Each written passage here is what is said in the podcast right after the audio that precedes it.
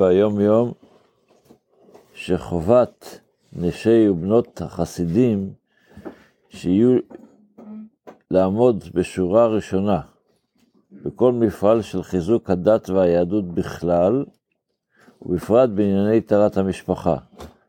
גם האנשים, גם צריך להכניס אותם בפעילות של הפצת התורה, ועליהם לארגן חברות בנות החסידים, לחזק, להתחזק בכל דרכי החסידים, בענייני הדרכה של חינוך, כמו שהיה בבתי החסידים מאז ומקדם.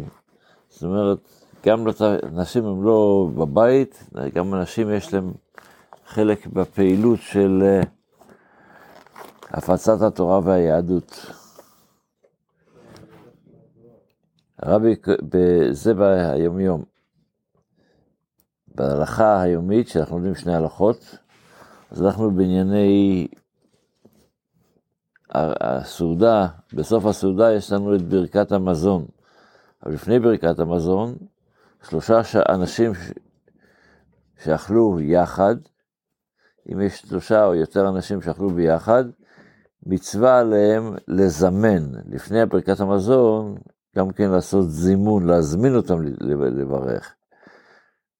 וזה, מאיפה אנחנו לומדים את זה? זה לומדים מהפסוק, גדלו להשם איתי ונרמה שמו יחדיו. או מפסוק, כי שם המקרא, הבו גודל אלוקינו.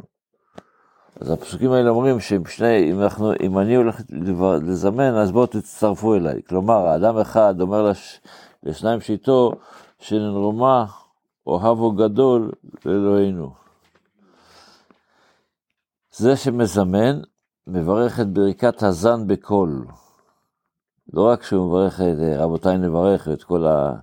שמזמין את הקהל לברך איתו, אלא גם הוא אומר את ברכת הזן, הברכה הראשונה של ברכת המזון, הוא אומר בקול. ושאר הסועדים, כל אחד מברך לעצמו בלחש.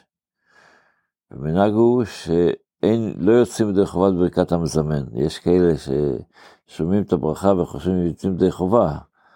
אז אמנם זה היה פעם, יוצאים ידי חובה בזה, כי לא ידעו להתפלל, אבל היום שכל אחד יודע להתפלל ולקרוא, אז הוא לא יוצא ידי חובה, אלא הוא צריך, כל אחד צריך להתפלל, לקרוא, לזמן, לברך לבד. אלה, אלה שלא יודעים לקרוא, פעם נשים לא יודעים לקרוא, פעם, היום ברוך השם,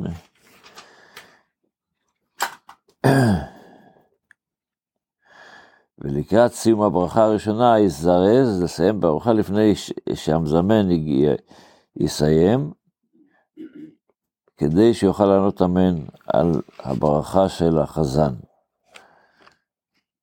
אם יש אנשים שהם עדיין אוכלים, לא סיימו לאכול עדיין, אז מה, אז הם מזמנים או לא מזמנים? אז כן, יענו לזימון, אבל מה, הם יחכו עד אחרי ברכת וישמעו בשתיקה את ברכת המזמן עד סיום ברכת הזן,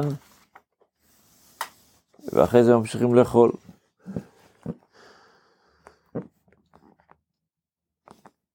אם זימנו שלושה אנשים, יצאו ידי חובת הזימון, גם אם אחד מהם לא ענה לזימון, אז גם יצא ידי חובה, והם צריכים לחזור ולזמן שוב. זה בהלכה.